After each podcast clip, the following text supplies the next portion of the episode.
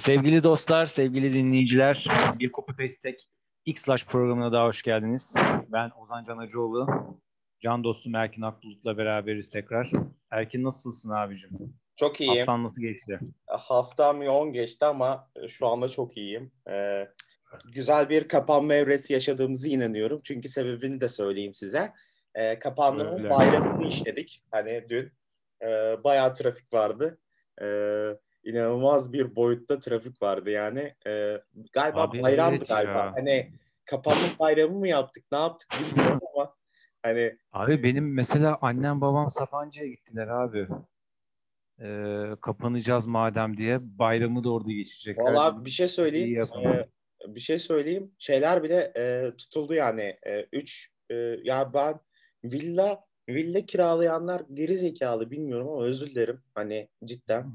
E, yani ev parasına kiraladılar yani. 200 bin liraya villa kiraladılar yani. Düşün. Abi işte 200 bin liraya para et para demeyen adam için normal demek ya bilmiyorum. Bilmiyorum ama Ya bu, hani- bu Mayıs ayı böyle evdeyiz abi. Ben de bayağı yoğundum. Benim haftam da bayağı yoğun Evet. geçti. evet. Ee, Haziran'da kapanacağımız için biz abi. Benim ekip bir ay tatil yapacak. Çünkü Haziran'la Temmuz arasında yaptığımız denetim işleri pek olmuyor. Bizim audit tarafı da biraz böyle yatışa, yani yatış demeyelim de ona. Tatile, zorunlu tatile çıkıyoruz diyeyim tamam mı? Ya O yüzden Haziran- iş Evet evet iş olmayacak. Ha. iş Ee, olmayınca zorunlu aynen, tatil tem-. Evet evet evet. Ama işte mesela yıllık iznimiz bizim iki haftaysa işte 3-5 günde şirket veriyor tamam mı bize? Yani çünkü yok yani iş yok. Ne yapacaksın? O gün Evet. yani şeysiz izne çıkıyorsun. Neyse abi o yüzden Haziran'a kadar, Haziran ortasına kadar ben biraz yoğunum. Hazır Vallahi- evden de dışarı çıkamayacakken iyi oldu. Vallahi şöyle söyleyeyim. Şu anda e, inanılmaz bir yol almış durumda aslında. E, Covid. Covid bizden hızlı ilerliyor. Teknolojiden hızlı ilerliyor valla. Abi bitsin bu çile ya vallahi. E, ben sana Ya bir şey bitsin bu söyleyeyim. çile ya. E, mümkün, Söyle olduğunca, abi. mümkün olduğunca dışarı çıkmamak istiyorum. Sebebi şu. e, maskeli aslında bizim e, ciğerleri söndürme anlamına geliyor. Çünkü e, ıslak havayı sen ciğerine tekrar çekiyorsun. Yakın bir seviyede insanlar zaten e, zatürreden ölecek yani bu konuda. Hani e, ben öyle görüyorum. Çünkü hem hava şişmiyor hem e, şey var maskeyle kapatıyorsun. E, tabii maske kullanımına ait de bir oran var bizde. E, maske ile ilgili. Yani ben e, eğer e, şey olsaydım hani kural koyucu olsaydım insanlar bayağı ölürdü herhalde. Hani e, dışarı çıkmazlardı. Ya abi Ee, bilmiyorum işte. ya. Yani Bu- şöyle e, inanılmaz bir fikrim var. Ama bu fikri kimse kabullenemez yani. Hani yok böyle bir fikir. E, herkese mecburi hani TC kimlik numarası verdiler ya. Herkese mecburi kredi kartı vereceğim. Mecburi Ee, karar hükmünde kararnameyle. Her ee, kartını da TC kimliğine işleyeceğim. E, o da yetmedi. ee. Ee, adamı gördüğüm an e, direkt olarak hani herkesin böyle bir e, NFC mantığında çalıştıracağım bu programı. E, te, e, telefon, Ee, TC kimliği ve kredi kartı olduğu an dışarıdaysa ve eğer güzergahımda görünmüyorsa direkt tak 3000 liraya çekeceğim. ha. Abi ama şimdi Tamam mı? Hatta da benim birader şey yapmaya gitti. Abi Migros'a alışveriş yapmaya gitti çocuk mesela şimdi. Yani alışverişi nereden yapacağız? Sanal Tamam. market bir yere kadar yetişiyor Yok, abi. yok, onu demiyorum. Sen şimdi burada Hı. en aşağıdaki markete gitmezsin. Yakınında bir market var. Tamam. Ama adam aşağıdaki markete gidiyor. Yani ya da dönüyor. Hani elinde poşetle tavaf ediyor sistemi. Hani dışarıda duruyor. Yani Vallahi bilemedim abi. bir de metrobüs Olabilir tabii. metrobüs sistemini komple kapatacağım. Abi metrobüse tıklım tıklım hala biniyor insanlarımız ya. Binmek zor. Yani işe gidiyorlar çünkü. E, tamam haklılar. Hani arabası yok. Ee, şirkette karşılamıyor Ya evet yani maalesef. E, geçen gün Evet abi. dün akşam Benim şeyi biraderinki öyle mesela. dün akşam şeyi gördüm. Otobüs Beylikdüzü'nde e, otobüsü durdurmuşlar. Önünü kesmişler. Niye? İçeri almıyor Niye? diye. Ya binebilmek için değil mi? Abi yazık günah ya. Çünkü insanlar Vallahi. bekliyor. Yani beklemek de ayrı bir şey. Yani bekletmeyeceksin. Buna bir sistem oturtamadılar yani. Neyse artık bu e, bu zamana kadar geldik Allah'tan. E, bu konuyu kapatalım. Hani e, cidden Ya evet. e, yani Vallahi. Çok kötü bir durum yani söz konusu. Ben çok e, yani ölen gençleri de görüyorum. E, bizim Evet, sektörden evet. de ölenler var. Hani e, ve çok Abi istedim. genç insan evet genç insanlar bile ölüyor yani maalesef yani yaşlılar biraz hani onlara dikkat edin falan diyoruz ama neyse abi neyse, e, 10 inşallah- dakikayı şimdi böyle şey yaptık ama evet aynen inşallah Böyle e, inşallah bir şey olur. Hani e, güzel bir sonuç olur. Aşılanırız. 6 milyon mu? Bir 9 milyon mu aşı kalmış? 42 Abi ilk önce yaşlılara verecekler bize vermeyecekler ben sana söyleyeyim yaşlı insanlara verecekler versinler de o ayrı konu da hani Ama bunun bence şöyle bir şey olmalıydı. Yani ben e, şöyle bir şey söyleyeyim. Metrobüse binenlerin her birine aşılı yani kapıda bekleyecek. Binmeden önce aşın yoksa aşı vuracaklardı. Böylece hiçbir tarafa dağılmayacaktı. abi yapamazlar onu ya Bir de şöyle bir şey var. beceremezler onu Yani bir de şöyle bir şey var. Sen şimdi e, 17 günlük tatil gibi tatil verdin ya aslında. İnsanlar Evet. İstanbul'dan kaçtı. E, bölgelere yerleştirdi şimdi. Evet abi, evet. Yani o da var. Ya işte bilmiyorum abi. Neyse artık bu kapatalım konuyu. Çok apolitik- konuştuk, Evet.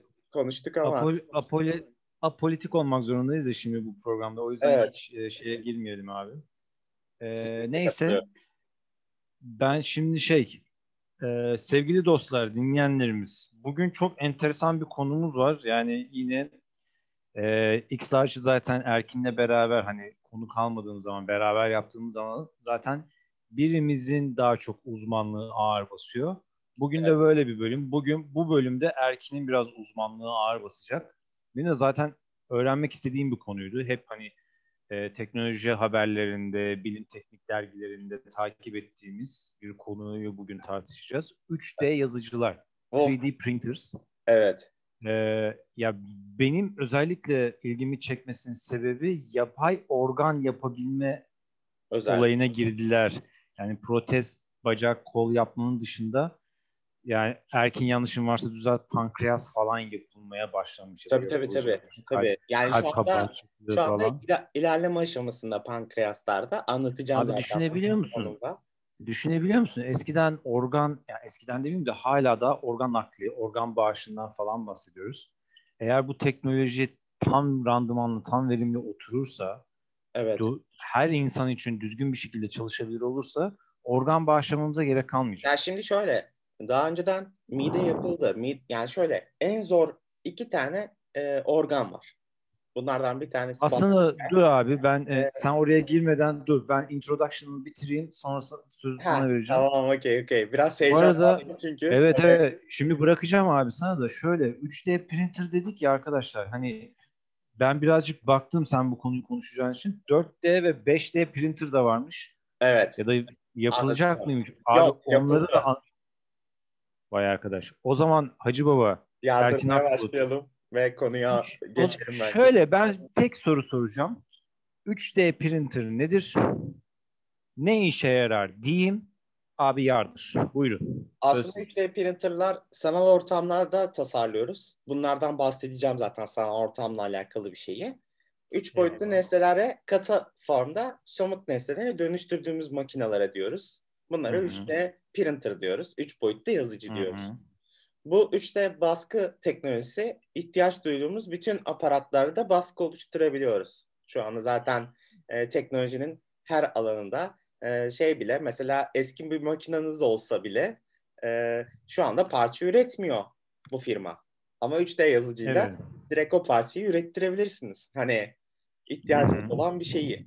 Yani e, bunlardan bahsedeceğim. 3D printerların detayına ineceğim biraz. Hı hı. Aslında e, 3D printerların biraz tarihine baktım. Tarihi ben inanamadım. Yani hani sonradan Zamandan beri varmış. zamandan beri varmış yani çok ilginç. Bak e, öncelikle sanayi devriminde buhar makinesiyle başlamış olduğumuz bu otomasyonda Endüstri 4.0'da merkezine yerleştik biliyorsunuz. Hani burada bayağı işte otomobil, sağlığa ve birçok e, sektörü içerisinde barındırıyor. Bu portatifleme, tasarıma kullanıcı deneyimi sunma gibi birçok deneyimler var. Ama e, 3D baskı teknolojisi günümüze kadar uzanan hikayesini yaşamaya başlayalım aslında. Yani ben hmm. kronolojik bir yapı sunacağım copy paste dinleyici, copy paste exters dinleyicilerimize. Cidden hmm. böyle bir e, hiyerarşi aç, açtım ve e, ilk durağımız nereden başlıyor sence? Nereden? Japonya'dan. Şaşırdık mı? Yok. Hiç şaşırmadım abi. Peki yılına, yılına şaşırıyor musun bakalım? 1981'de. Yılı ne demek? 1981'de vay anasını daha doğmadım lan. Ya. Daha doğmamışım yani. Sen de bir yaşında falansın. Bir evet. Yaş. Vay be. Ee? Japon mucit, Japon mucit Doktor Hideo Kodama hmm. fotopolimerleri ve ultraviyole ışınları ile kullanan hızlı bir portatifleme sistemi inşa ediyor. Hı hı. Ve bu da aslında ilk doğuşu başlıyor. 3D printerların doğuşuna doğru gitmeye başlıyor. Ee, Kodama e, mali problemler nedeniyle geliştirdiği teknolojinin patentini alamıyor maalesef. Sağlık olsun. Evet. 3 yıl sonra 1984 yılında e, Charles Hull e, strelitografiyi icat ediyor. Ultraviyole ışını yine. Ama Hı. bu günümüze yansıyan noktasında e, yaygın biçimde kullanılıyor bu teknoloji. Çok garip değil mi? 84'te bulunuyor ama... Abi peki bir şey söyleyeceğim. 84'te bulunuyor. Ne üretiyor 80? Hani bulabilirsin de bir şey üretebilmeye başlamış mı 84'ten itibaren? Ee, yeni ürün tasarımlarında portatiflemesi aylarca sürüyormuş onunla. Hani e, hmm. metodunu bulmayı itti ama sıvı hmm. haldeki fotopolimer reçinelerin varmış. Bunların sertleşmesi, hmm. katmanların sertleşmesine dayanıyormuş. Ee, bir sistem geliştirmiş ama çok böyle e, yaygın teknolojide kullanmaya devam etmiş. Bu arada 1988 yılında da icat tek, ticarileştirmek üzere şu an sektörün öncü firmalarından biri olan 3D sistemi kurmuş. Bayağı, bayağı iyi. Bayağı, bayağı iyiymiş evet. Ee, bu arada 1988 yılında da oyuncak bir kur, kurbağa başlanmış bu teknolojide. Ee, Ay çok iyi. Ve e, modelleme, o, oyuncak bir kurbağa yapmak isteyen Scott Graham plastik malzemeleri. Ha, tam onu diyecektim. Hangi malzemeden diyecektim de plastikten yapmış. Plastik, plastik. Ee, polietilen diye bir madde ekliyor. Polietilen. Ee, malzemeyi silikon tabancası kullanarak katman katman yığmayı denedi, denemiş. Böyle yığmış. Ee, yani e, katman katman inşa etmiş. Bu denemesinde de başarılı olmuş. Hani bu yöntemi otomize eden bir makine daha hızlı üretim yapabileceğini fark etmiş. Ve çalışmalara nereden başlıyor? Tabii ki olmazsa olmaz adamların garajı var. Garajdan başlıyor. Tarihler. Abi evet. Evet. Yani birçok şey garajda bulundu ya doğrudur. e, tarihler 1988'i gösterdiğinde ise bugün en önemli baskı teknolojisi olan First Depressing Modeling yani FDM diye geçiyormuş. E, bu bu teknoloji patentini almış. Sonunda patent almışlar. Sektöre inşa etmeye başlamış. 1992 yılında da ilk profesyonel e, 3D baskı sektörünü inşa etmeye devam etmiş aslında. Abi orada işte şey ne yapılmış? Yani yine ne üretilmiş ilk bu sektörleş Neyse devam et abi. Şu anda yani. aslında kurbağa üretiyorlar. Yani şeyi üretmeye çalışıyorlar. Oyuncak yani. Oyuncak üretmeye çalışıyorlar. Daha şeye girmedi. E, Endüstri 4.0'a girmedi. Daha giremedi oraya. 80 oyuncak üretildiğini duydum yani plastikten ya da metalden nesneler, cansız evet. nesneler yapabildiğini duyduk abi evet. 89'da Texas Üniversitesi'nde makine mühendisi olan Scott Cramp hı hı. E, bu Carl Decker'ın bulduğu 3D printer'ına bir de hı hı. ne yapmış biliyor musun? Seçici lazer sintreleme teknolojisi üzerine çalışmaya başlamış. Yani, Yani artık ne işe yarıyor? e, kesme ve biçme hani makineyi lazerle kesme hani Anladım. inşa etme teknolojisi geliştirmiş. E, Hı hı. bu teknolojinin lisansını 2001 2001 yılında alıyor. 3D sisteme. Hı E, hı. 45 milyon dolara satmış. Kaç dedin? 45 milyon dolara. Bayağı 2001'de. kaliteli. Uf, 2001'in 45 milyon doları şimdi herhalde 90 milyon dolar dedi. Belki de daha fazla. Belki de daha Neyse. fazla. Biliyorsun Evet. İyi 3D paraymış. 3D sistemi kurmuştu. Üniversite Hı hı. öğrencisi de e, teknoloji yani e, seçici lazer teknolojisini ku- kuruyor. Çünkü adam ne yapmıştı? E, yığılma yığılma teknolojisini buldu. Sonra ne yaptı? Hı hı. Hızlıca üretim fark etti. Bununla ilgili makine öğretti. Yani çünkü Hı hı. kendisi yığıyordu tabancayla hatırlarsan. Tabancayla. Silikon tabancasını kullanarak katman yaratıyordu daha Hmm. önceden. Bunu e, makine haline dönüştürdü. O Tamam. Scott. Onun üzerine ne yaptı Scott'un üzerine?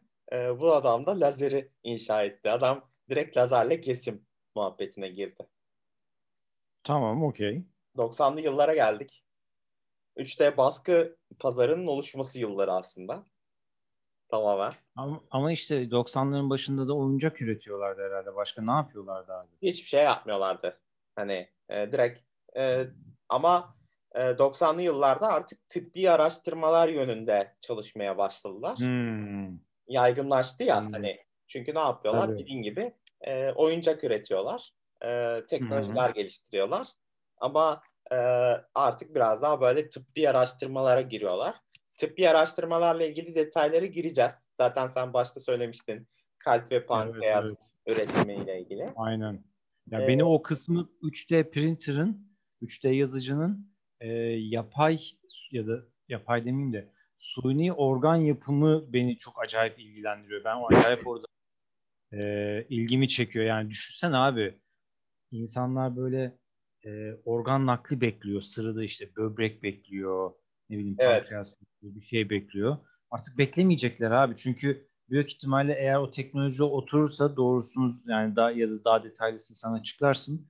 Tabii. Yani senin DNA materyalinle işte kanın, tükürüğün neyse, kemik iliğin falan neyse işte bu materyali sadece kullanarak bir böbrek yaratacak abi. İnanılmaz bir şey değil mi? Yani e, İnanılmaz. Cidden inanılmaz. Yani, yani şimdi bak çünkü 3D printer teknolojisini sen anlatacaksın daha da hani tabii, kafamda tabii. oturuyor abi. Hani cansız varlık üretmek işte oyuncaktı, başka bir şeydi. Yani Aynen öyle. metal, bakır, taş, tahta, plastik bunları kullanarak bir şey böyle. Ama organik madde üretmek İşte yani bu beni acayip heyecanlandırıyor doğrusu. 2000 yılında hani dedik ya 90'lı yıllarda tıbbi araştırmalara gidilmişti diye. 2000'li yıllara geldiğimizde işte ilk kez çalışan bir insan böbreği inşa yani yazılıyor. Biyo yazıcılarla üretiliyor. Demin Üretilmiş mi? Yapılabilmiş mi? Evet. Hayır. aynen üretilmiş. Üretilmiş ve çalışır durumda. Bu e, birçok başarılar elde ediyor. 3D baskı teknolojisi kamuoyunda, medyada daha fazla yer buluyor. E, Hı hı. ve aslında şeyle başlıyor. E, 3D yazıcı projesi e, yani e, kendi kendini kopyalayan açık kaynaklı bir 3D yazıcı projesi olan RepRap'tan bahsediliyor. RepRap'ı biraz açayım. E, hı. 2005 yılında İngiltere'de kendi bileşenlerinin çoğunu basabilen düşük maliyetli bir 3D yazıcı geliştirmek için e, ünivers- üniversitede girişimlere başlanıyor. Hı hı.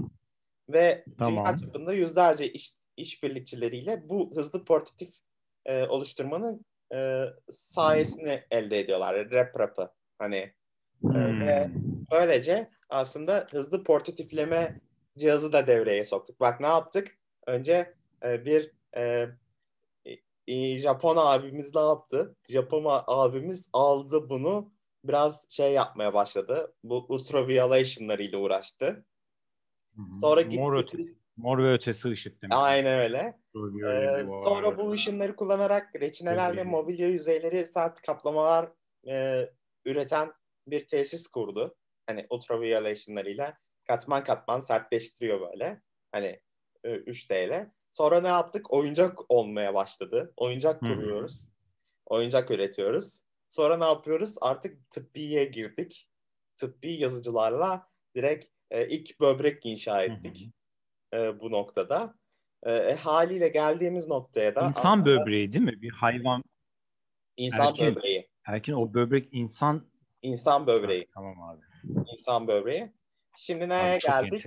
Aslında ya. 2010'lu yıllara geldik, günümüze geldik. Artık aslında neydi? Hı hı. E, sektör ivmesi de kazanıyor. E, tabii ki ivmeyle büyüyor. Hani hem e, işte e, şeylerden bahsediyoruz. Factory 3, Factory 4 e, böyle e, endüstriyel tasarımlar vesaireler hı hı. girmeye başladığında evremize aslında işte printerların e, doğuşu ve e, üretimi gerçekten e, ciddi anlamda pazar kitlesini oluşturmaya başladı. Artık e, 3D yazıcılarda şu ana kadar yapılabilen 3D yazıcılarla ilk otomobil, ilk insansız hava aracı, ilk ev ve köprü inşa edilmiş. Yaptılar yani. Yapmışlar. Bu dediklerini yaptılar. Vay Aynen. Abi evi nasıl inşa eder ki? Bilmiyorum. O zaman yüzlerce printer abi e, işte kolon kirişlerini işte 10 evet, tanesi evet. herhalde öyle. Çünkü abi inanılmaz ya. Bak 2018 dinleyen bu arada erken dinleyicilerimize şey verelim hani ev araba yaptılar diyorsun ya. Evet. Büyük ihtimal printerlar sadece parçalarını yaptı. E, biri assemble etti yani bir, bir yani o parçaları monteledi falan ama sonuçta e, ham madde demeyeyim de par, mesela arabanın parçalarını tek tek Aynen. bütün o parçalarını arabayı yapan bütün lastik de dahil mi buna? Lastik de dahil.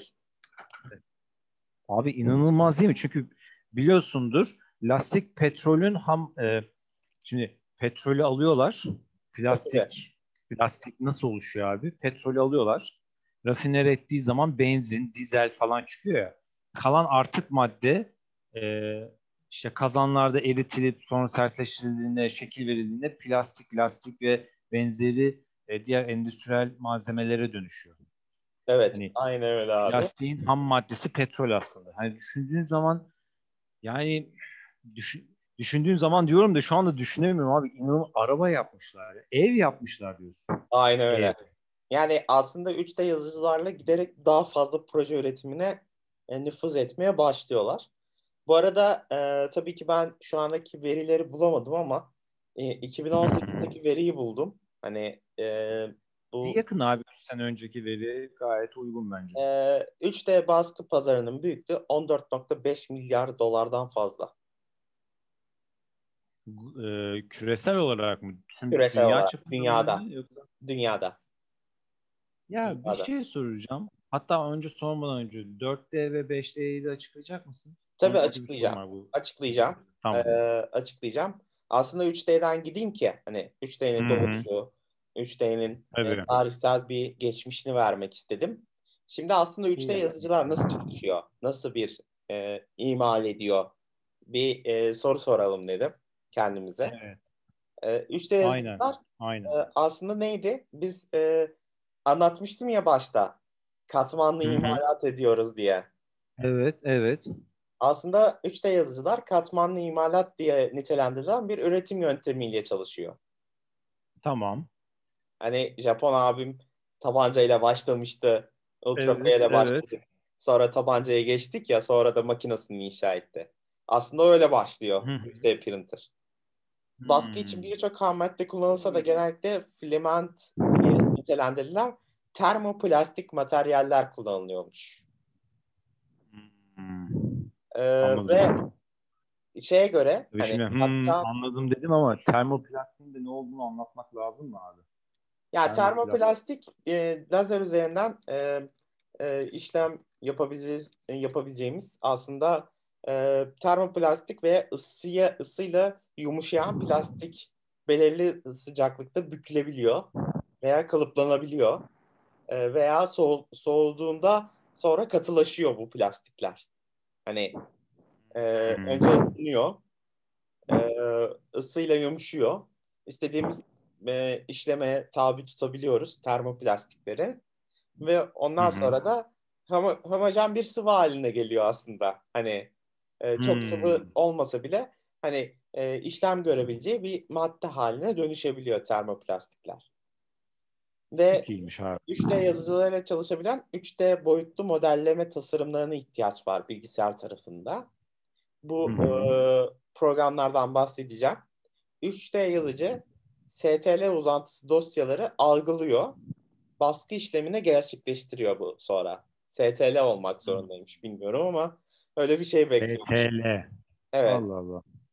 Yani e, neden olduğunu bilmiyorum. E, STL'ye baktığımda aslında e, yani STL e, şeymiş stereolitografimiş. Stereografi yapmıştı ya hani e, BTL dedin değil mi? STL. Stereografi.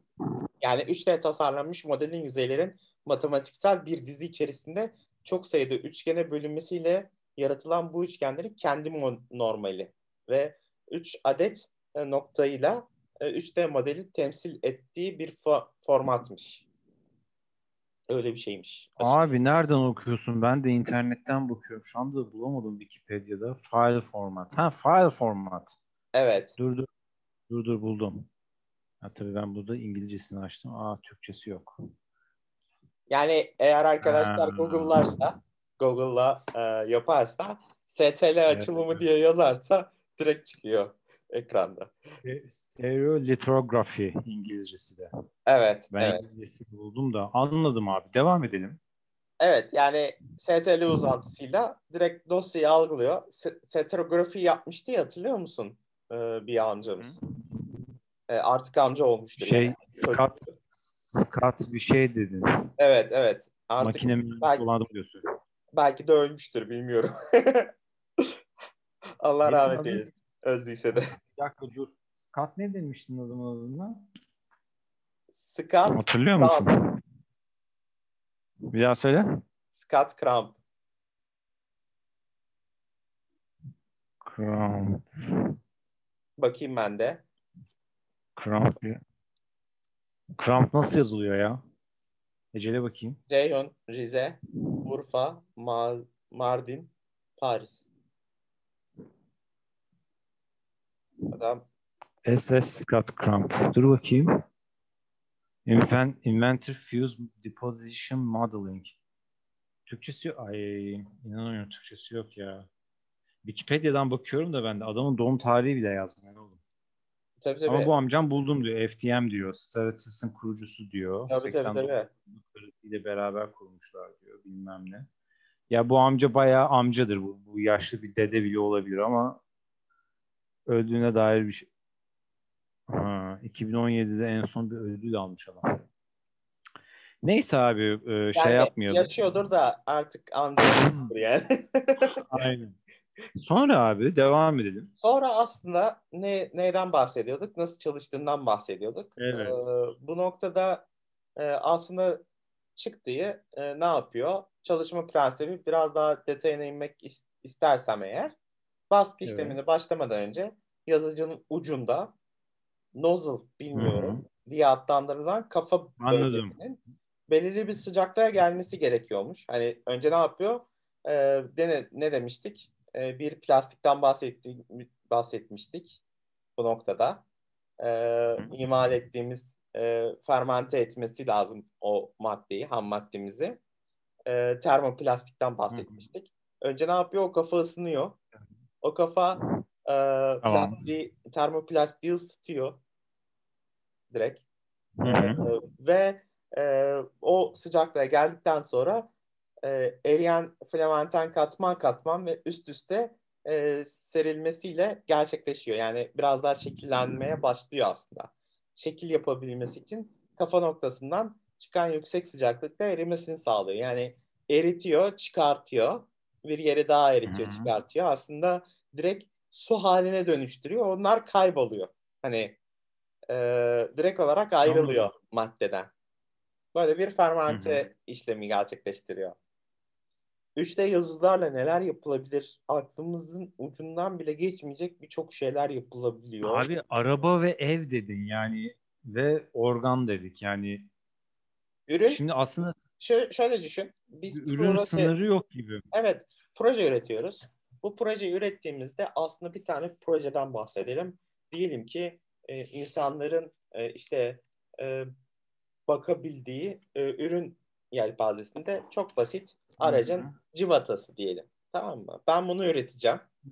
Ama yatırımcıya gideceğim. Ama yatırımcıya gittiğimde ne olacak? Hı hı. Adam ürettiniz mi? Nasıl bir şey olacak? Boyutu ne olacak? Ee, görmeyecek. Görmediği bir ürüne de para vermeyecek. Ama portatif, e, prototip yapsaydı bu ürünü hani 3D yazıcıyla çıkartıp bakın bu böyle olacak deseydi o parayı temin edecekti. Prototiplemiş olacaktı aslında. Bu noktada. Anladım. Bunun haricinde neler yapılabiliyor? Ev dekorasyonu, hediyelik eşyalar e, çok yaygın kullanılıyor bunlar. E, hazır e, böyle vazolar Ya abi, yapılabiliyor. Onları bırak. Ara, ya abi araba ev dedin ya. Ben organ falan diyorum hani. Tabii tabii. Robot bırak. bir robot kollar yapılabiliyor. Yani. Hani bu arada çok ilginç bir şey Abi söyleyeyim mi? inanılmaz ya. Söyle. Çikolata basan Söyle. 3D yazıcılar da üretilmiş. E, direkt olarak kendi tasarladığınız Çikolata yapan. elde edebiliyormuşuz. Abi yani Gıda küş demek istiyorum. Bak ne dedim? yani evet. Bak ne dedik? Ee, bir port, e, prototiplememe yapabilen, bir e, ürün yapabilen, bir e, kimyasal e, kimyasal demeyeyim, bir e, yani insan hücreleri yapabilen, e, abi insan hücresi ya. İnsan e, hücresi abi. yapabilen. Bunun haricinde dediğim ki 3D printerlarda bir tane daha bir şey çıkartmışlar. Direkt e, yiyecek sektörüne de hitap eden ürünler çıkartabiliyormuşsun. Yani çikolatanın ham maddesiyle sen baskı Hı hı. oluşturuyorsun çikolatanın üzerine. Yani çikolata üretiyorsun. İnanılmaz yani evet. Ve e, bu arada NASA'da 3D yazıcıları Hı hı. kullanmışlar. E, Yani as- tabii ki de abi. astronotların ihtiyacı olan materyalleri e, bu şekilde yapmışlar. Peki hani demiştim ya 3D yazıcılarla hangi programlar var şeklinde. Ben bunu biraz araştırdım. Ee, bunu, bunu birkaç noktadan aldım. Ee, bu noktadan aldığımda şöyle şeyler buldum. Ee, şimdi bu kriterleri şöyle belirlemişler. Sosyal medya skorlarına göre hani nedir? Sosyal medya skorları mı? Sosyal Çok değişik. medya. Evet yani ne alaka amına koyayım? Ayıp. Ee, Ee, sosyal medya skorlarında bu kriterlerde programların sosyal medyada kaç takipçisi olduğu, ne kadar Hı hı. aktif olduğuna göre bir skor belirleniyormuş. Bundan almışlar. 3D yazıcı forumlarına bakmışlar. Program adının ne sıklıkla forumda geçtiğini, 3D, 3D yazıcıyla ilgili forumlarda programlarla ilgili ne kadar içerik olduğu ile ilgili bir skor belirlemişler. Bu e, neden söylüyorum? Şimdi eğer 3D yazıcıya meraklı olan, e, 3D yazıcıyla çalışacak olanlar çok iyi program seçmeliler. Çünkü e, yapılacak modelleme olsun, e, işte yardımcı olabilecek doneler olsun, e, işte e, 3D yazıcılarla ilgili videolar olsun. E, burada işte mesela uygulamalı YouTube videolarına bakmışlar içeriklerine. Ne kadar e, izleniyor, ne kadar kayıt var. Hani nasıl yapılıyor? ne kadar kayıt varmış abi? Ona bakabildin mi sen? İnceleyebildin mi onu? Yok Ne kadarmış? incelemedim ama e, yani en çok fazla SolidWorks'ta olduğunu söylüyorlar. Hmm. 3D Doğrudur. model veri tabanlarına bakmışlar. E, hangi 3D modellemede kaç model tasarlanmış ve internette paylaşılmış. Google hı. skorlarında da 3D modelleme programlarının Google sonuçlarına göre 3D yazdırma ile alakalı genel e, kaç skor sonuç çıktığına bakmışlar. Ve e, birinci sıradan e, 13. sıraya kadar sıralamışlar arkadaşlar sağ olsunlar. En çok kullanılan ve en çok bu e, kriterlere göre listelemelerde. Bu skorlara göre e, direkt olarak Blender diye bir programdan bahsediyorlar birincide. Blender. Blender. E, SketchUp var. SolidWorks 3. sırada, AutoCAD 4. sırada, Maya 5. sırada, 3D is- Oha. 3D AutoCAD is- Maya da çok iyi bilinir abi. Bilinen programlar. Evet. Ama en iyisi Blender'mış. Yani hem e, bu demin Hmm. saydığım e, şeylere göre e, özelliklere göre en son e, en son 13. sırada e, Leon Querez diye bir programdan bahsediyorlar ama çok önemli değil aslında. Blender'ı bilin. E, eğer kullanabiliyorsanız o Evet, Blender bilin yetiyor demek. Aynen öyle. Aynen. Yani e, AutoCAD'de kullanılabiliyor. SolidWorks çok fazla duyuyorum ben. Hani benim arkadaşlarım da kullanıyor. Hani onlar daha çok e, elektrik Evet. ürünleriyle ilgili 3D modelleme yapıp çıkartım yapıyorlar e, printerlarından. Hani e, tüm bu sonuçlar bize gösteriyor ki aslında 3D modelleme yapan insanların önünde birçok program seçeneği var. Yani listeyi kabarık. Bunları ben paylaşacağım zaten. E, direkt podcast'imizin altında da paylaşacağım. Kesinlikle. E, bedava yazılımlar ve tasarımcıya daha özgür bırakan yazılımlar tarafından tercih ediliyor. Tasarımcılara bırakılanları tercih ediliyor. E, e, gösteriyor ki aslında bu liste bize e, en iyisi olduğunu bu listeye bakarak anlayamıyoruz. Çünkü hem fiyat hem kullanışlık açısından kriterler çok fazla içeremiyor. Hani bunlar çünkü kişiden kişiye değişebilir. Hani değişken bir varlık. Sadece e, kriterleri e, demin saydığım dört özelliğe göre yapmışlar. E, Okey. iki- işe hangisi yarayacaksa onu yaptılar ve gelelim senin en can alıcı söylediğin noktaya. Ney? Gelelim abi. Nedir? Bilim insanları üç boyutlu hızıyla kalp üretmeye başardı. Ha işte öğrenmek istediğim taraf abi. Çünkü şey e, 4D ve 5D printerları bahsettik mi? Oraya Daha gelmedim. önce. 3D printer'da Tamam. biyolojik e, biyolojiye girdim artık. e, tıbbi, e, Ya tıbbi abi çünkü- girdim. Çünkü aslında sor, yani ilk sorduğum soru neydi programın başında? 3D printer nedir ve nasıl çalışırdı ya?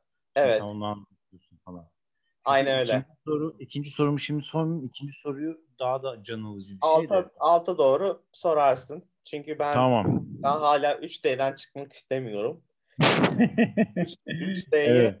anlamak lazım aslında. E, Neden Şimdi- 4D ve neden 5D üretildiğiyle anlayabilmek bakımından. Çünkü cidden buraya gelmemiz için e, biraz daha e, kavramları özdeşleştirmek gerekiyor şu anda. Anladım. E, Anladım. ve, e, Abi bu yani- şey dedin ya lafını böleceğim ama lafını balla kesiyorum ama kalp ürettiler dedin ya. Abi Evet. şimdi bir yani o üretilen kalp atımı yani atabilmiş mi? Kalp atışı yapabilmiş mi? Ya da işte sadece et parçasını mı üretebilmişler? Yani bir yerinden onu bir anlatsana. Yani kalp, pankreas dedim. Kalbin bir de kalbin tamamı mı yoksa kalp kapakçıklarını mı? Hani biliyorsun kalp dört tane haneden olacağını dört tane kapakçığı olan bir e, kırmızı kas bütünüdür ya. evet. E, şöyle e, Bu sorunla başlayalım abi. böbrekte herhangi bir sıkıntıları yok. Hani yapılıyor ve e, insana yerleştirilebiliyor. Sadece kalpte şu anda hala devam eden bir süreçte. Sorunun son noktasından getireyim sana.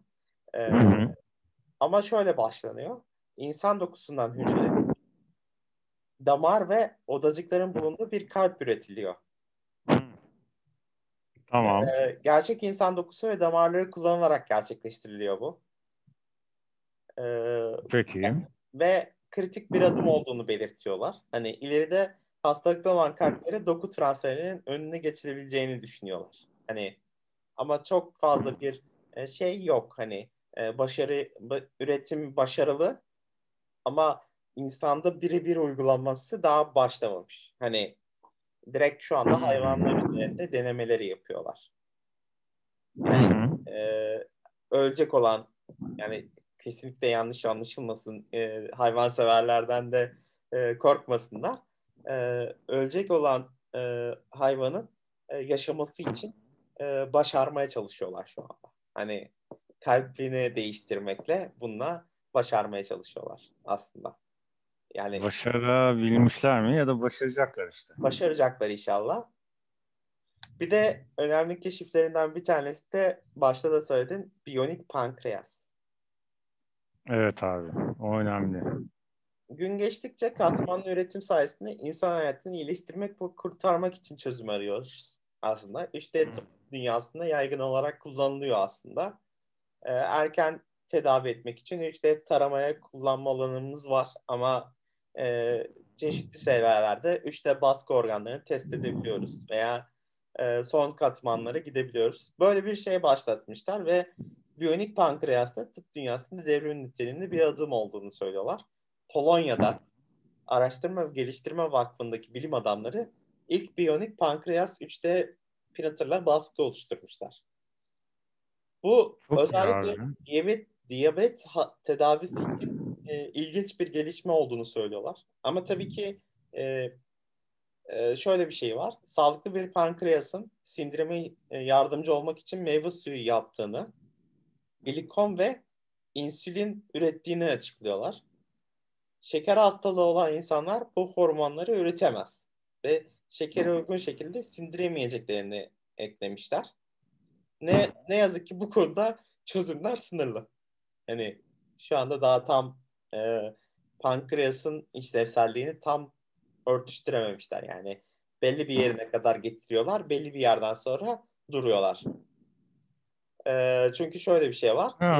Hastası bir kişinin her zaman vücuduna bağlı bir insülin pompası var. Hani düzenli çekim yapıyor. Kan şekerini her iki saatte bir ölçmesi gerekiyor. Pankreas nakli ve insülin tedavisi mümkün oluyor bu sayede. Ancak ameliyat sonrası komplika, komplikasyonlar gibi birçok risk taşıyabiliyormuş. Çünkü şey pankreas çok ilginç bir e, organ. Hani e, pankreas değiştirilemeyecek diye bir şey var yani. E, yani evet her abi zaten organı, her organı değiştirebiliyorsun ama pankreası değiştiremiyorsun. Adamın çok ilginç bir e, üretim testi var. Demin bahsettim ya. Hani glikoz üretiyor dedim. Gliko, glikon üretiyor. Evet. Insulin üretiyor. Evet, aynen. Ee, aynen. E, sindirime yardımcı olacağı bir birçok bir şeyi üretiyor. Hani 3-4 noktaya bağlı olan bir ürün. Hani ürün diyorum çünkü vücutta bir ürün o. Ee, ama bakalım hani e, çalışıyorlarmış. Hani e, bunu e, belki hani ileriki seviyede göreceğiz. Ama şu anda belli bir yerine kadar destek verebiliyor şu anda. Hani e, sadece... Abi ben sana ben sana şöyle bir şey diyeyim pankreas için. Yani hiçbir kanser daha doğrusu her türlü kanser kötüdür de en pisi abi en ölümcülü pankreas kanseriymiş. Evet. Tamam mı? Evet. Çünkü pankreas kanserinin çok enteresan abi. Ee, son evreye gelene kadar semptom yaratmıyormuş vücutta. Evet. Yani evet. Artık dönülemez akşamın ufkundayım. Vakit çok geç olduğu an ancak pankreas kanseri olduğunu teşhisi konabiliyormuş. Ya işte onu engellemek için ne yapacaksın abi? Her sene check-up olacaksın ki pankreasına baktıracaksın. Bir şey var mı? Yoksa mesela mide kanseri, karaciğer kanseri ya da ne bileyim akciğer kanseri bunlar semptom veriyor abi eninde evet, sonunda. Evet, evet. Senin vücudunda bir şeyler yanlış gidiyor. Pankreas kanseri öyle değilmiş abi. O yüzden pankreas nakli de çok zor yapılıyormuş. Ya sebebi bu değil de e, organ ya bir avucun kadar falan yani da avucun yarısı kadar bir şey abi pankreas dediğin şey. Ama işte e, nasıl diyeyim sana motor yani arabadaki motorun araba motorun en önemli parçalarından biri neyse pankreas da insan vücudu motoru için en önemli organlarından biri. Maalesef. O yüzden pankreası üretebiliyor olmak ve sonra bunu herhangi bir insana nakledebiliyor ve başarılı olabiliyor olmak tıpta büyük çığır açacak abi. Bak, bir kere sana şöyle şey var. Şöyle bir şey yani var. kanseri tamamen çözebilirler. Aynen. Ee, şöyle bir şey var. Hani kronik pankreasla ilgili olarak. Ee, hı hı. Şimdi şöyle başlanmış aslında. Araştırma yapıldı demiştim ya. Hı hı. Ee, hücreleri destekleyen hayvanlardan ve biyo mürekkeplerden bahsediliyor. Tam bilmiyorum ben de. Biyolojik anlamlı bir şeylerdir herhalde. Ee, hı hı bir karışımını buluyorlar.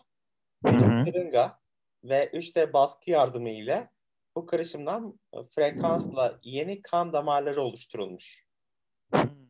Ee, ve şu anda aslında e, organ e, yani henüz hiç kimse tam e, vaskülasyonu sağlam bir organ üretememiş bu noktada. Hani Çok ilginç. Üretememiş. Evet. Tabii abi öyle kolay değil ya. Evet. Ee, Öyle ama şöyle bir şey var. Ee, yani artık organlarla ilgili bekleme noktasını e, kaldıracağını öngörüyorlar. Hastanın 3D taraması sonrası aslında dokusunu da e, ve riskleri de alarak otomatikman aslında Hı hı. e, kısa sürede e, inşallah e, yerine konması anlamına geliyor. Belki şöyle bir şey olabilir. Artık insanlar ölmeyecek. Düşünsene her Ya yerimiz abi zaten ikinci sorum da o. Ee, sen anlatmaya devam et de an, soracağım ben. Yani ikinci sorum da o olacak. Bu çünkü hatta artık madem sordun söyle, yani e, konusu açıldı söyleyeyim. Abi 3D printed tıp alanın tıp alanında aslında ne kadar etik karşılanıyor? Ha, Yani bununla, bununla ilgili hiçbir şeyler gördün mü acaba? hiçbir şeyler yansıtmamışlar. Çünkü daha tam anlamıyla zaten hani e, şey hani böbrekte tamam da hani kalpte ve pankreasta şu anda hala çalışmalar devam ettiğini öngörüyorlar. Ama sadece belli bir hastanın müdahalesini sağlayabiliyorlar. O da e, tabii ki şeker hastalarının e, yani o da bir riski var diyor. Hani e, kabul etmeyebilir vücut. Şey olabilir. Hani e, bu tamamen e, insani yöne e, bir şey. E, ama e, e, ciddi anlamda e, bu noktada geldiğimizde e, bizim e, yani etik olma olayı şöyle bir şey. Düşünsene bir tane adam vardı. Ben bir yerde okumuştum ya da e, hatırlıyorum böyle bir hikayeyi. Adam belki filmden de esinlenmiş olabilir bilmiyorum. E, çok film izlediğim için bunlarla ilgili. E, ciddi anlamda Evet. adam yaşlanıyor ama ölmek istemiyor. Genç, ha, filmdi pardon. Genç bireylere e, para karşılığında ona ya işte taze kan vermesi ya da işte Hı. onun böbreğini alması gibi böyle bir hikayeden söz ediyordu. E, yani e, eğer e, şey böbreğini verirsen sana şu kadar milyon dolar vereceğim gibi böyle bir şey kendini yeniliyordu. Vücudundaki organları yeniletiyordu. Film filmde pardon filmde filmde geçiyordu böyle bir şey. Adam e, şey yani direkt böyle bir kurgu içerisinde dönüşmüş bir hikayeydi abi. Ee, Filmin adını hatırlıyor musun Erkin? Hatırlamıyorsun. Hatırlıyor musun? ya tam hatırlamıyorum. Bulursan paylaşırım. Hani Tamam. e, cidden böyle bir hikayesel kurguydu. Hani e, bu da ona dönecek gibi E, şey ben yaşlanmak ve ölmek istemiyorum. benim kalbimi yenileyin, benim organımı yenileyin gibi böyle. Abi işte bu ne kadar doğru ve etik o da ayrı bir konu biliyor musun? Ya aslında şöyle bir şey var. tartışmak lazım bence biraz. Şöyle bir şey var. Ee, şu anda normal insandan yapılıyor ya organ nakli veya başka bir şey yapılıyor. E bu da tabii var. Hani bu da yapılıyor şu anda. Hani e, yapılmayan bir şey yok. Sonuçta parayı veren düdüğü çalıyor şu anda. Hani o, o zaman bence öyle bir şey olmayacak yani. Hani cidden çok fazla bir e, iş istemsellik meydana gelmeyecek gibi düşünebiliriz yani hani e, Ya konuda işte bu konuda şey yani etiklik nereye kadar diyoruz yani hani e, etik olunabilir mi olunamaz mı yani e, bu tartışılır çünkü neredeyse e, bilinen ve e, haberlerde çıkan belli hastanelerde organ kaçakçılığı e, gibi ya evet abi. Öyle de bir şey var. Doğru söylüyorsun şimdi. Yani e, burada mesela işte kapanan hastanelerin belli bir kısmında öyleydi yani. Organ mafyası direkt hastane kurmuş yani hani bilinmeden. Hani e, resmiyete geçirmişler yani. Bu bu kontrol altına alınamaz bir şey bence. Hani çünkü printer alan biyokimya biyo 3D printer alan yapıyor. Evet. Aynen öyle. Ee, ama peki şöyle bir şey araştırmalarda bulunmuşlar. Ee, geri dönecek olursak. Ee, hı. pankreasın aslında geleceği ne diye sormuşlar. Hı. e, aslında keşif yapan pankreas e, üretiminde yani şu anda Hı hı. üretiyorlar ama e, nasıl bir e, yani tam anlamıyla testlerde e, tam anlamıyla %100 yerine konabilecek bir ürün değil şu anda. Hani e, incelemek için e, yavaş yavaş. Abi daha, daha çalışıyorlardır aynen öyle. Tabii tabii. Yani Hala çünkü en zor, en zor e, şey hani e, mesela şey çok zor bir e, diyabet diyabet tedavisi de çok zor biliyorsun. Hani Doğru abi evet. E, hayatı boyunca diyabetik oluyor insanlar şeker hastası. aynen yani onları zaten hani bir nebze kurtarmak da önemli. Anlatabildim mi? Yani hani, e, sonuçta e, bir makineye bağlı kalıyorsun yani çok zor cidden. E, Makine değil de işte abi hep e, insülinini ölçecek. Kendi kendine insülin verecek. Çünkü vücudu yeteri kadar üretmiyor ya da çok fazla üretiyor. Kontrol edemiyor. Ama benim bildiğim üretemiyordu. üretemiyor, üretemiyor. Üretemediği için zaten e, ona ihtiyaç duyuyor. Yani hayal Evet. inşallah ileriki aşamada risksiz hale gelir ve ihtiyaca Evet. karşılar. Evet. Gelelim artık senin aslında başta hep arada bir sorduğun 4D 4D yazıcılara. Hı hı. Şimdi ne yaptık? 3 boyutlu yaptık, değil mi? Ee, Hı hı. 3D yazıların basabildiği ürünleri basabiliyor ama tek seferde monte edilmeyecek, edilemeyecek ürünleri de birleştirmesini sağlıyor 4D yazıcılar.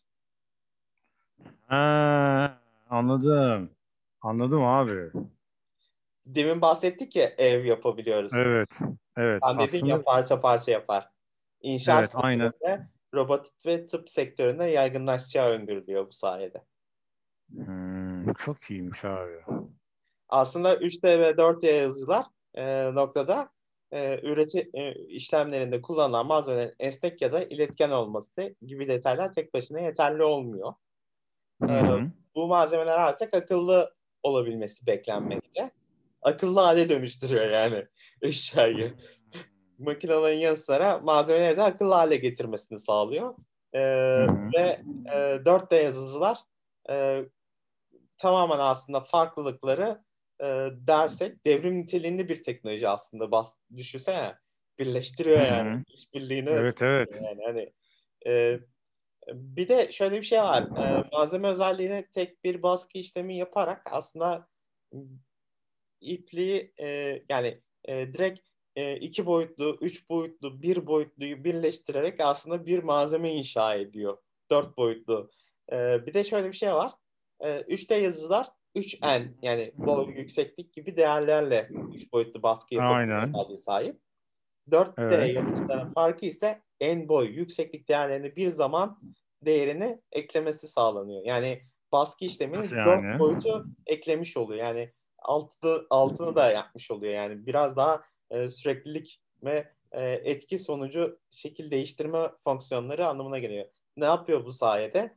Isı, ışık, nem gibi değerlerin değişkenleri sayesinde oluşturuyor. Hani biz ne veriyorduk? Isı veriyorduk sadece. Şimdi Evet. e, ışıkla e, değerlendirmeleri yapıyoruz. E, bu da akıllı ve programlanabilir ürünler haline getirmeye başlıyoruz. Biraz daha müdahale ediyoruz. E, bu mesela şöyle bir şey söyleyeyim. 4D yazıcılık neyle e, örtüşüyor? Havacılık, otomobil gibi e, otomasyon aktif kullanılmaya başlanmış. Yani otomobil sektöründe 4D yazıcılar kullanılıyor artık. İnşaatta da. Peki 5D ne oluyor abi? 5D yazıcılar. Evet. 3D ve 4D yazıcının aksine düz bir katmanda üretim yapmak yerine eğri ve kavisli katmanlar üretebiliyor. Ha, anladım. O yüzden 5D diyorlar. Yoksa Evet, boyutla alakası yok yani. Hareket edebilen nesneler üretebiliyorlar. Hayda. Oğlum bu bu iş böyle giderse insan da üretecek o zaman bunlar. Tabii canım. İnsan da üretecek. Peki şöyle bir şey Yani adamın söyleyebilir derdi o mu yoksa yani insan mı? Sanırım. Mesela. Şimdi can acı nokta. Senin başta da sorduğun nokta. 3D, Hı hı. 4D, 5D arasındaki farklar ne? Hı hı. Aslında biraz açıkladın gibi de. aslında her birinin birbiriyle ortak noktaları var. Demin bahsettim ya. Birisi olmazsa diğeri olmuyor. Hani geçmiyor yani. Hani Hı hı. 3D ile 4D, e, 5D temelde birbirine çok benziyor. Hani kullanım amaçları da aynı. Sadece hareketli hale dönüştürüyor 5D yazıcı. daha detaylı dayanıklı ürünler elde edebiliyor.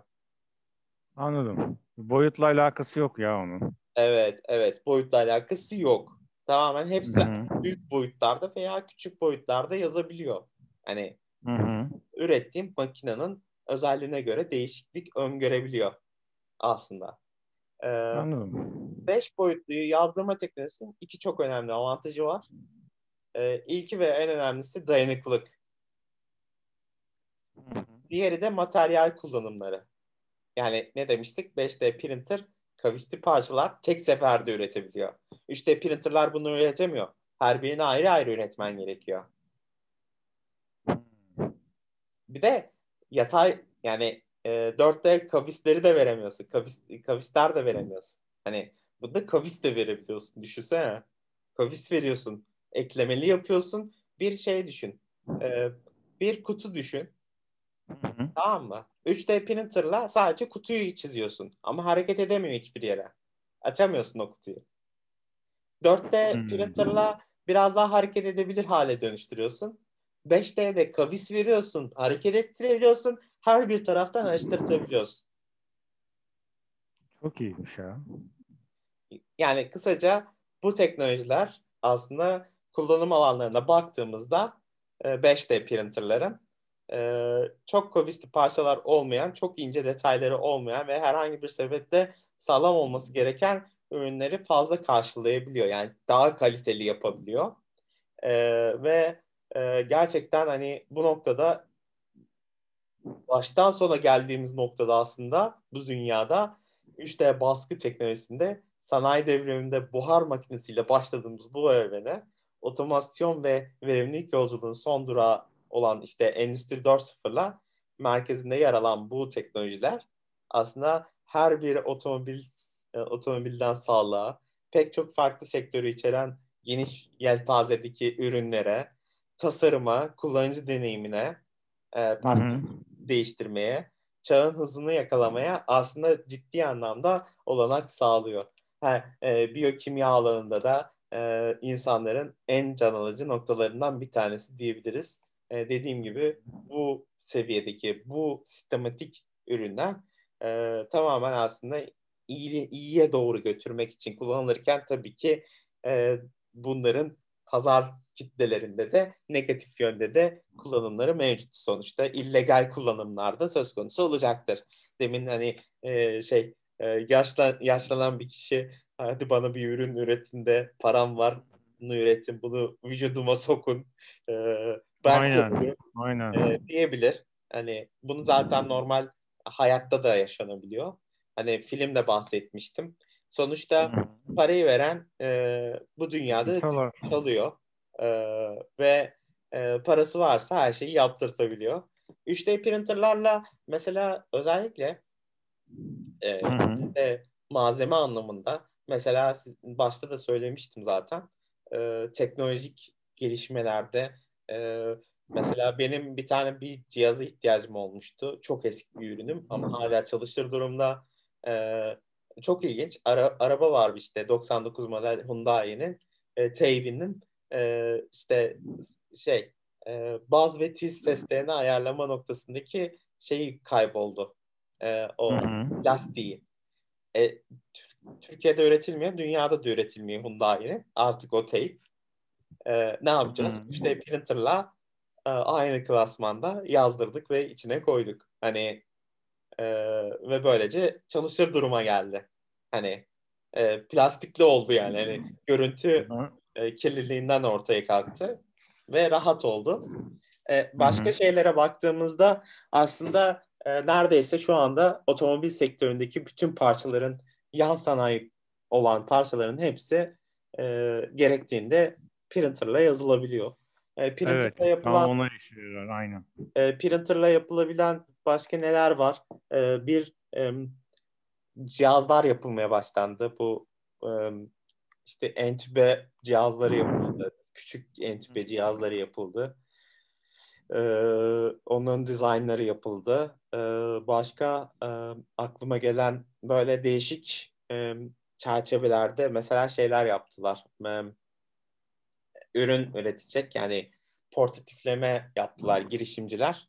Hani onlardan görmüştüm. Onlar çok fazla kullanıyor. Yani e, 3D printerlar çok pahalı olduğu için e, bazı noktalarda e, almak zor ama bulmak kolay. Hani e, belki ileriki aşamalarda daha da ucuzlayacaktır diye düşünüyorum diyebilirim.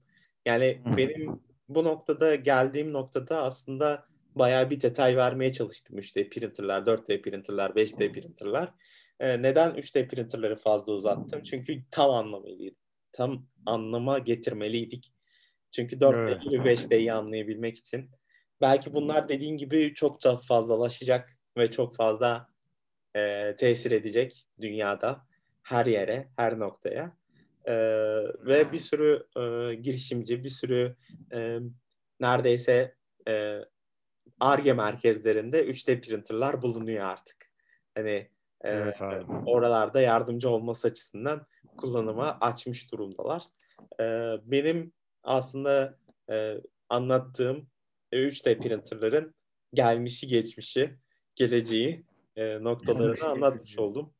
Detayları girmiş oldum ve cidden bence güzel bir e, akış olduğunu düşünüyorum şu anda. Ben evet. sana o etikle ilgili sorumu şöyle detaylandırmak isterim abi. Şimdi mesela e, hani Kaan da geldiğinde geçen hafta Kaan geldi. Uzman psikolog arkadaşım. Teknolojinin insanlar üzerindeki etkisini konuştuk. Neuromarketingi falan konuştuk ya bu bölümde. Evet. Ben bir ara sazı elime alıp transhümanizm, insan üstücülükten bahsetmiştim. Orada evet. ne de abi? Augmented reality, augmentation. Yani gerçeklik üst gerçeklik e, neydi o? Arttırılmış gerçeklik, arttırılmış destek üniteleri falandan bahsettim.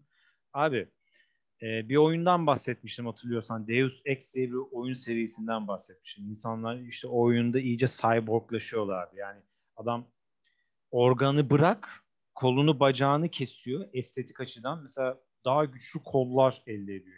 Araba kaldırıyor o kollarla çünkü öyle bir e, yapı oluşturuyor. Mesela işte öyle bir akciğer sistemi koyuyor ki abi e, toksinli bir atmosferin içinden geçtiği zaman adam zehirlenmiyor falan. Şimdi o tabii oyun da. Mesela ben şimdi burada nereye varmak istiyorum? 3D printerlı adam pankreas, kalp falan yapabildiğinde, bunu becerdiğinde yapacağı en büyük iş ne biliyor musun aslında erken? Beyin yapabilmek. Beyin.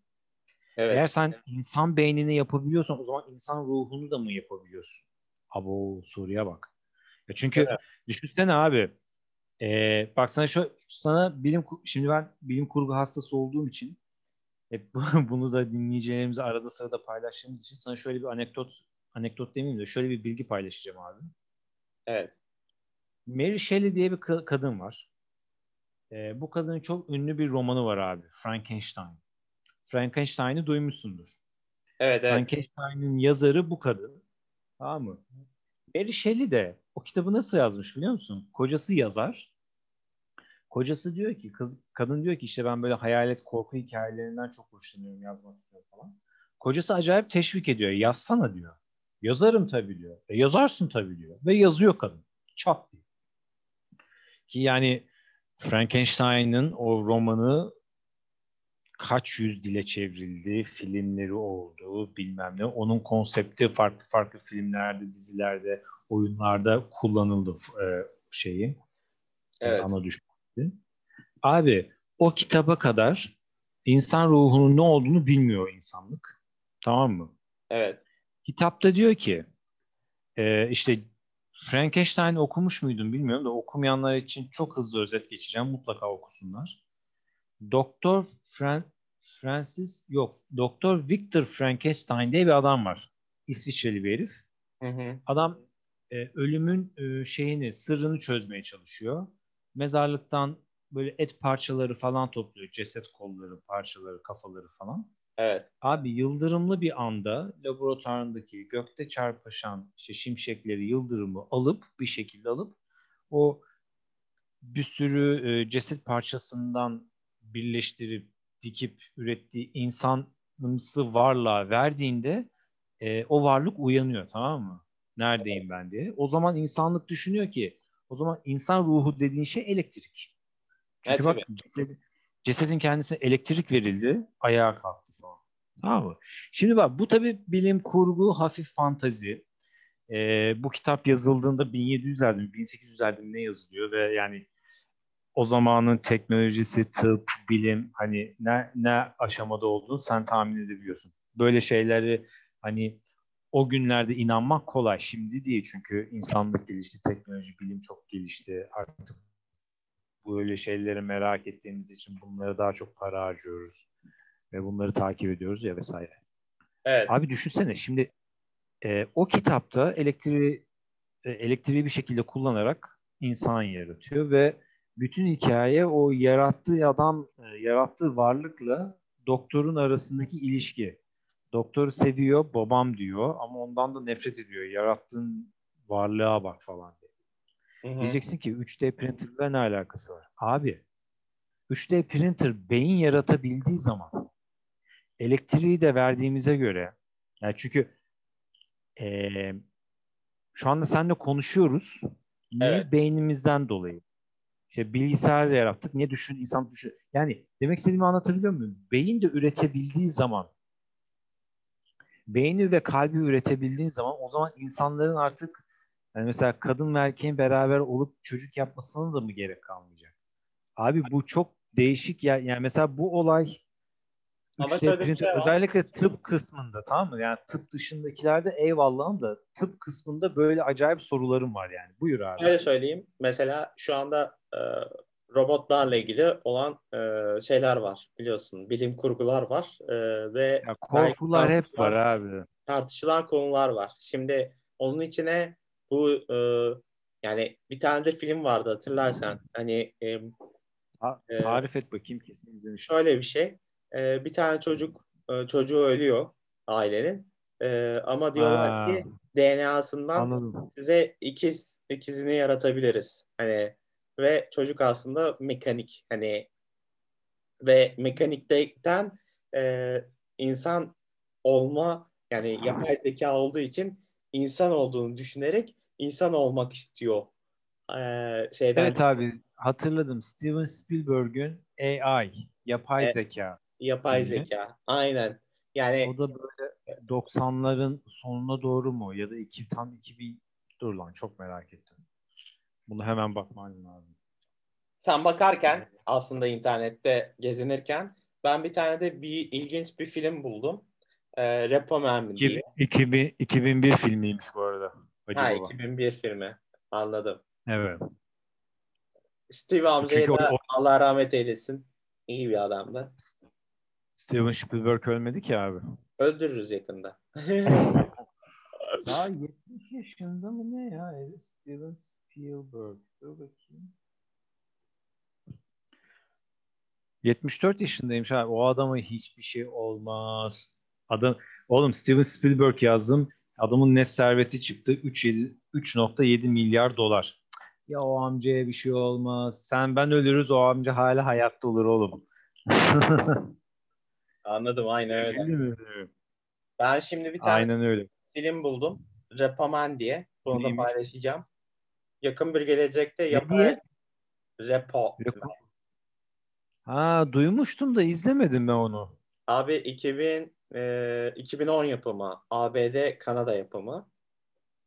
E, yakın Repo bir Man. gelecek, evet Repo Man. E, yakın bir gelecekte yapay organların üretimi ve satışı mümkün hale gelmiştir. Afrika'daki savaştan dönen Remy ve Jeka'nın organ nakline ihtiyaçları vardır. Gereken organları alan eski askerler şirkete ödeme yapmakta zorlanırlar. Gereken parayı bulamadıkça tek çareyi kaçmakta bulan ikilinin peşine şirketlerin adamları takılır ve böyle devam eder bir süreç. Yapay organla üretilen ürünleri koymuşlar gibi bir şey yani. Çünkü seninki Repo Man abi. Man çoğul olarak Man. Tamam mı? Evet. O 2010 filmi. Ama Evet. Repo Man hani tek adam hani MAN diye yazıldığında 1984'te öyle bir film var. 6.9 puan IMDb'de. Alakası yok. Farklı bir Alakası şey. yok. O yüzden e, hani bunu dinleyip de araştıran arkadaşlar olursa Zaten 2010 filmi olarak bakacaksınız. Abi Aynen. IMDb 6.3 puan vermiş. Allah sinemalar.com'da da 7.5 almış. 660 oyla. İlginç. Ben çünkü IMDb'de abi 7 ve üstündeki filmleri genelde izlemeyi tercih ediyorum ama buna da bakayım. Bu O, Jude Law falan oynuyor ya filmde. yani bayağı ünlüler oynuyor. 400, Evet. 407 kullanıcı favori filmi seçmiş yani. Evet abi. Aynen. Ee, Tam da konumuzla alakalı bir film bulmuştum. Ha, tam rap oyunu. Ben bunu Aynen. izlememişim ya. Ben bunu kendime not alayım. izleyeceğim. Favorini al. izlerim çünkü bilirsin.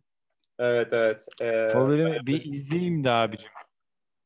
böyle bir şey. Hani dediğim gibi e, organ nakli ile ilgili bir sürü sıkıntılar var.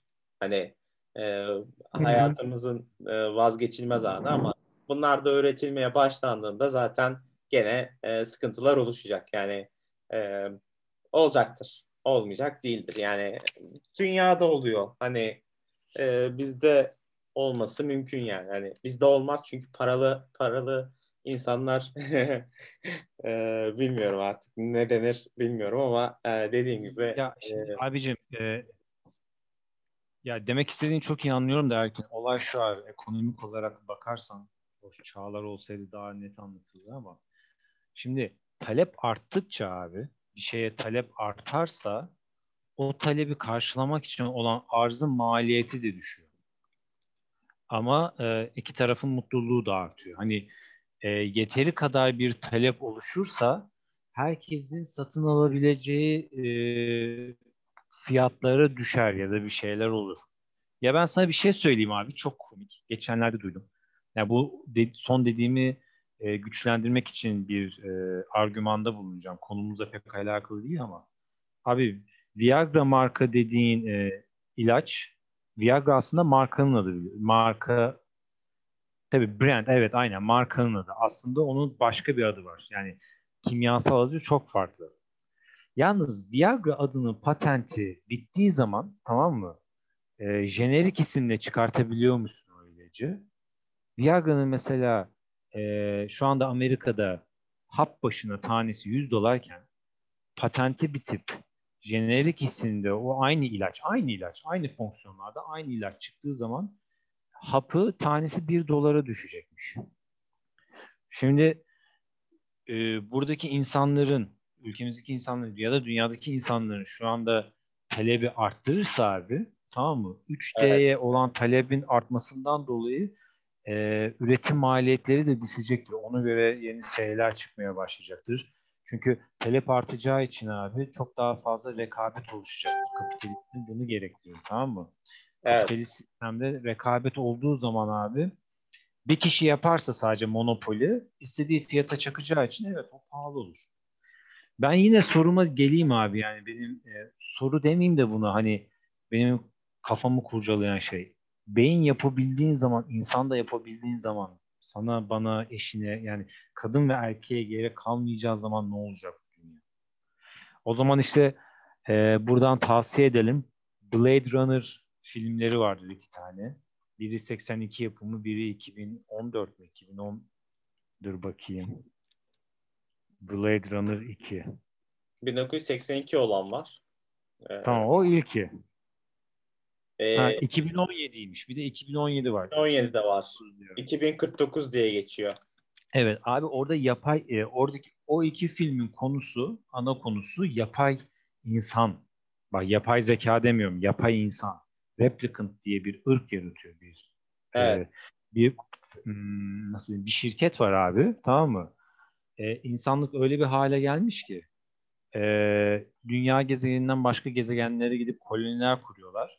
Ve o kolonide o koloniyi kurmak için e, işçiye ihtiyacı var. Abi replicant dedikleri insan ırkını yaratıyorlar. Bayağı dışarıdan baktığın zaman sen ben, ben senden ve benden hiçbir fark yok. Ama adam 10 katı kadar güçlü, şu 10 katı kadar çevik, şu Evet. 20 katı kadar dayanıklı, tamam mı? Hı hı. Bunlar da e, yarattı yani kendi yaratıcılarına isyan etmesinler diye öyle bir sistemde kuruyorlar ki ancak 4 sene yaşıyor o varlık. Ya insanımsı robot aslında ama insan abi yani akciğeri var, kalbi var, beyni var. Konuşuyor, ediyor, zıplıyor bilmem ne.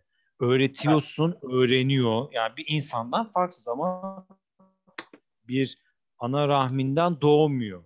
Öyle bir şey değil. Yapay insan yani. Mesela Blade Runner serisini tavsiye ederim. Buna benzer mesela buna benzer değil de şöyle de bir film var abi. Children of Men. Duydun mu hiç? Yok. Men, men e, çoğul olarak men. Abi orada da mesela insanlık yani kadın ve erkek bir araya gelip çocuk yaratamıyor. Yeni çocuklar doğmadığı için gezegenin nüfusu azalıyor. Yapay insan üretmeye çalışıyorlar. Bir türlü üretemiyorlar. İşte sonra da bir tane işte bilim adamı ile bir tane polis miydi neydi o adamın bir kızı bulma macerası aslında ama arka planda böyle bir olay var. Yani dostum yaratılan insan aklının düşündüğü eee, şimdi şöyle toparlamaya çalışıyorum. İnsan her düşündüğü şeye bir soru yani düşüneceği şey bir soruyla aslında başlıyor.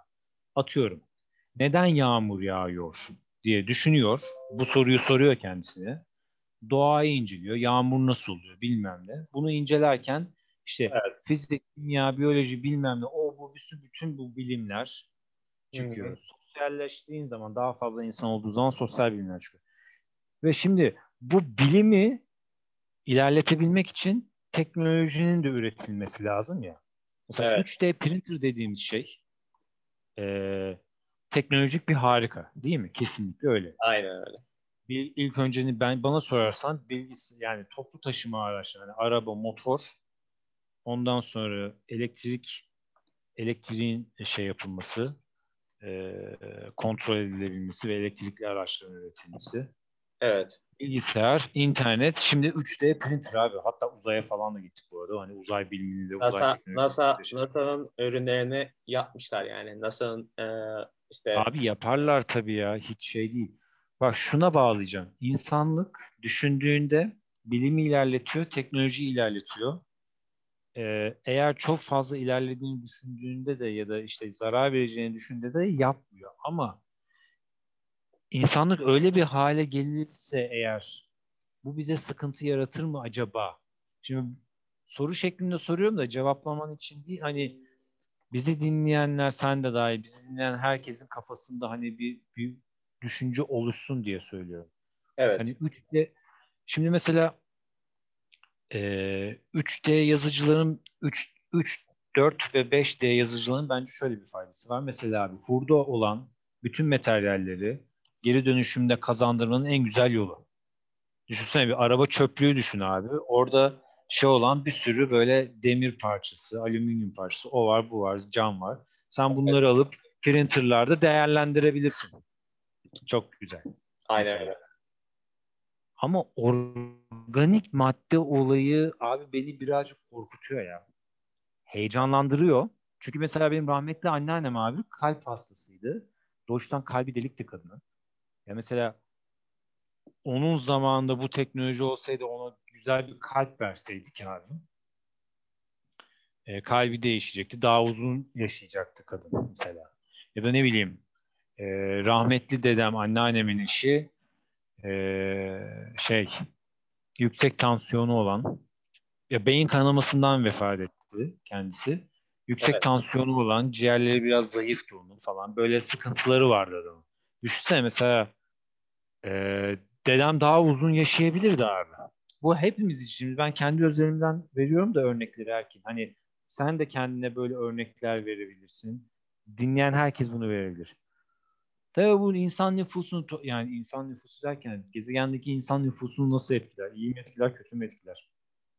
Abi, İyi etkiler. Kimse ölmeyecektir. Popülasyon artacaktır ama popülasyon arttıkça doğal kaynaklar daha çok azalacaktır. Savaşa sebebiyet verebilir vesaire vesaire. Ağzına sağlık. Bunları konuştuk böyle çok güzel Evet. ama yani böyle de noktalamak istedim çünkü her ne kadar heyecan verici inanılmaz bir teknoloji olsa da yani insan düşünmeden edemiyor. Yani ben mesela düşünmeden edemiyorum. Yapay insan üretebildiğimiz zaman senle benim ne işlerim var? Yani yapay insan oy vermeli mi? Evlenebilmeli mi? ya zaten şu anda DNA Falan daha bir tabii. DNA'dan Buyurun. şu anda zaten e, klonlanma olayına e, geçtiler. Zaten ilk hayvan klonlamasını yaptılar. Başardılar bunu. Evet. Evet evet. yani Bir tane koyunu klonladılar. Aynen öyle.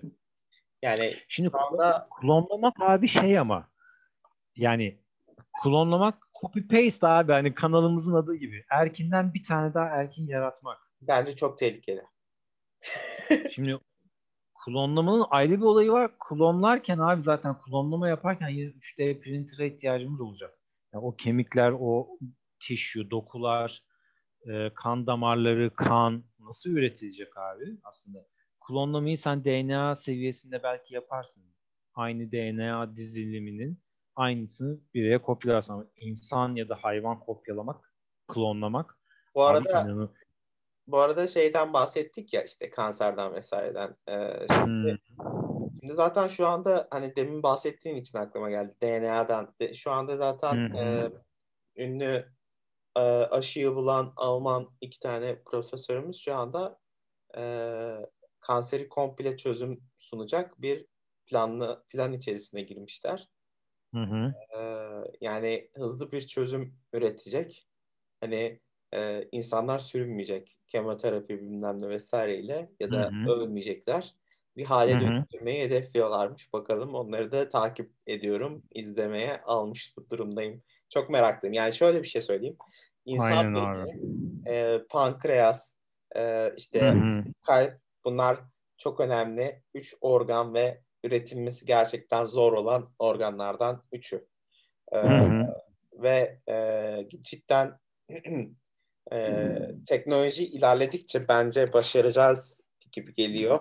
Ama e, ne zaman olur bilinmiyor bu seviyede. Ama üretildiğinde de bazı tabii ki legal ve illegal işler olacak. Ee, bunun da önüne geçilemez. Hani şu anda da geçilemiyor zaten. Ee, Hı hı. Ve geçilmek için çaba sarf ediliyor ama hani nereye kadar? Sonuçta e, biliyorsun hani mafya olayları bunlardan para kazanıyor yani. E, bakalım görelim. Hani Hı hı. 3D printerların faydalı halde kullanılması yanındayım. Taraftarıyım. E, Ben de abi yani kesinlikle karşı değilim ben de de işte böyle soru demin bahsettiğin sorular da yani tıp konusunda özellikle böyle sorularda aklıma gelmiyor değil. Aynen öyle. Neyse hayırlısı olsun diyelim. 3D printerları anlatmaya çalıştık. E, 4D Evet. printer ve 5D printerlardan bahsettik. E, ve Ben Bakalım birazcık hayırlısı. şeytanın şeytanın avukatı gibi yaptım. iyi yaptın. Ee, Birazcık. bence hani bugün de e, güzel bir e, konu işlemiş olduğumuzu düşünüyorum. E, dinleyen izleyicilerimiz de Dinleyiciler abi izleyicimiz yok da henüz. ben de İnşallah olacak. inşallah Sen olacak. YouTube'dan alışkınsın tabii izleyici demeye de dinleyicilerimiz E, dinleyicilerimiz de e, inşallah e, anlamışlardır 3D printerların e, mantığını, gelişmesini ve geleceğini. E, ben teşekkür ediyorum dinleyen dinleyicilerimize. Ben şeyi kapatmadan önce son bir soru sorayım mı sana Erkin? Ee, Tabii. Sen bunu araştırırken ve merakın olduğu için. Son gelişme haberi var mı hiç 3D printerle ilgili? Karşılaştın mı bu aralar? En Yok. yakın. Yok şu anda karşılaşmadım ama e, detay vermediler. Hani şu anda hı. araştırıyorlar hem biyokimya alanında. Hmm. Özellikle şu anda e, hedefleri tamamen insana yönelmiş durumda. Abi işte bak benim dediklerime geliyor yine ya. Evet. Yani bir çekincem var ya dostum birazcık. Yapacak bir şey İnşallah yok. olsun lan benden bir tane daha olsun. Değil mi? Ya Yani bu o- e, Yaşasın Eyvallah. Erkin. Yaşasın Ozan. ya Bu benden bir tane de- daha Bugün de 1 Mayıs İşçi Bayramı. Herkesin bayramını evet kutluyorum. kutlu olsun. E, Aynen. emekçi dostlarımıza, bizim gibi emekçilere e, kutlu olsun. E, bir, nice 1 Mayıs'ta dileyim. O şeyi söylemek isterim abi. Yapay insanda özellikle e, asker üretmekte çok kullanacaklar. Eğer yaparlarsa. Düşünsene biz de, senle benim askere gitmemiz gerekmeyecek. Hoş.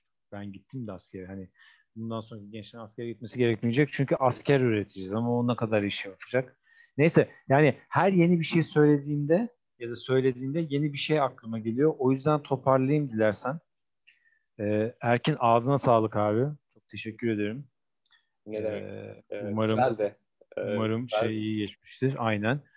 Ee, sevgili dinleyenler, dostlar, bir Copy Paste X-Taş programının daha sonuna geldik. Bu hafta konumuz 3D yazıcılardı, 3 boyutlu yazıcılardı. Buradan işte 4 4 boyutlu, 5 boyutlu yazıcıları konuştuk. Tarihçesini anlattı herkes sağ olsun. Yapılabilen yapılabilen, yapılmış ve yapılması beklenen şeylerin neler olduğunu, ürünlerin neler olduğundan bahsetti. Çalışma yapısını bahsetti.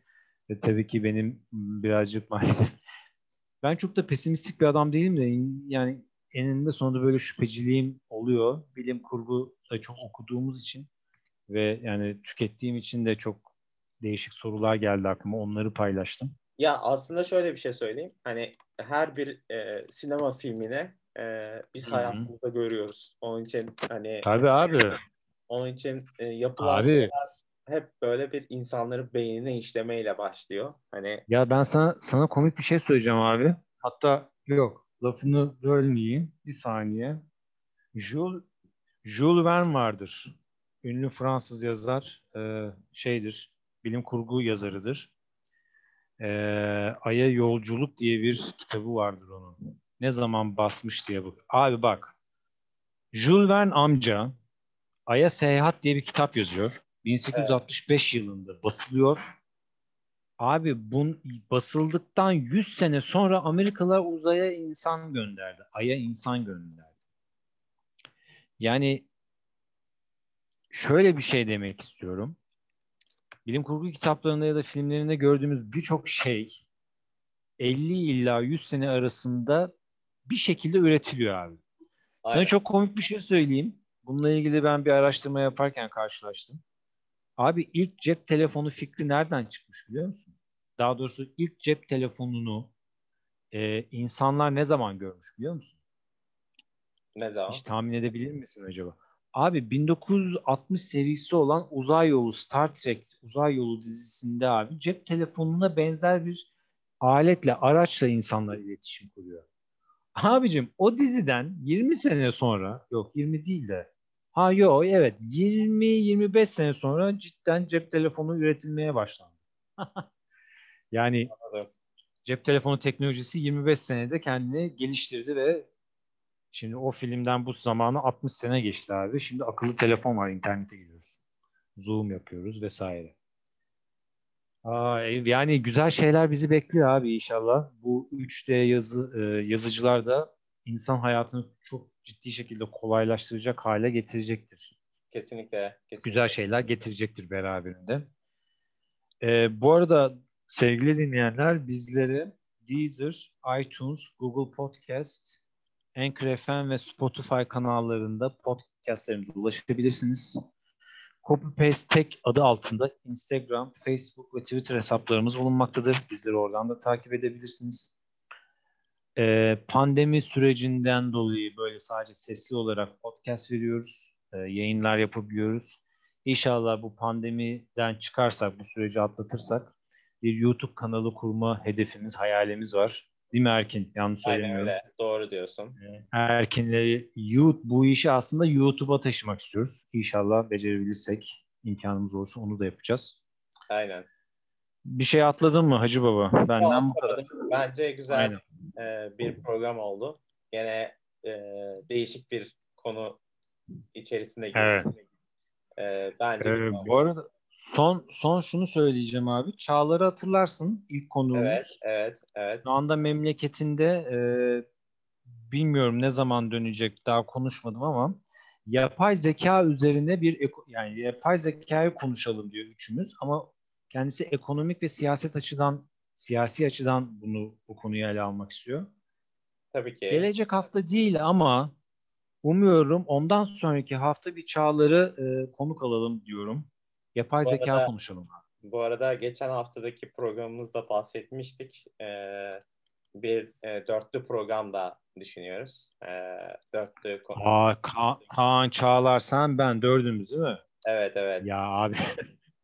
Evet. O program büyük ihtimalle 4-5 saat sürer. evet, evet. E, Yapacağımız zaman bayağı dinlenmiş olalım söyleyeyim. Aynen. Ben sana söyleyeyim. İyice dinlenmiş olalım. Çünkü iki tane konuşkan çocuk, iki tane konusunda gayet uzman adam ve sen ben. Yani o o bayağı Konu bitmez. Bayağı talk show olacak yani. Evet. Aynen öyle. Onda da güzel bir konu seçeriz. Evet sevgili dostlar haftaya görüşünceye dek hoşça kalın.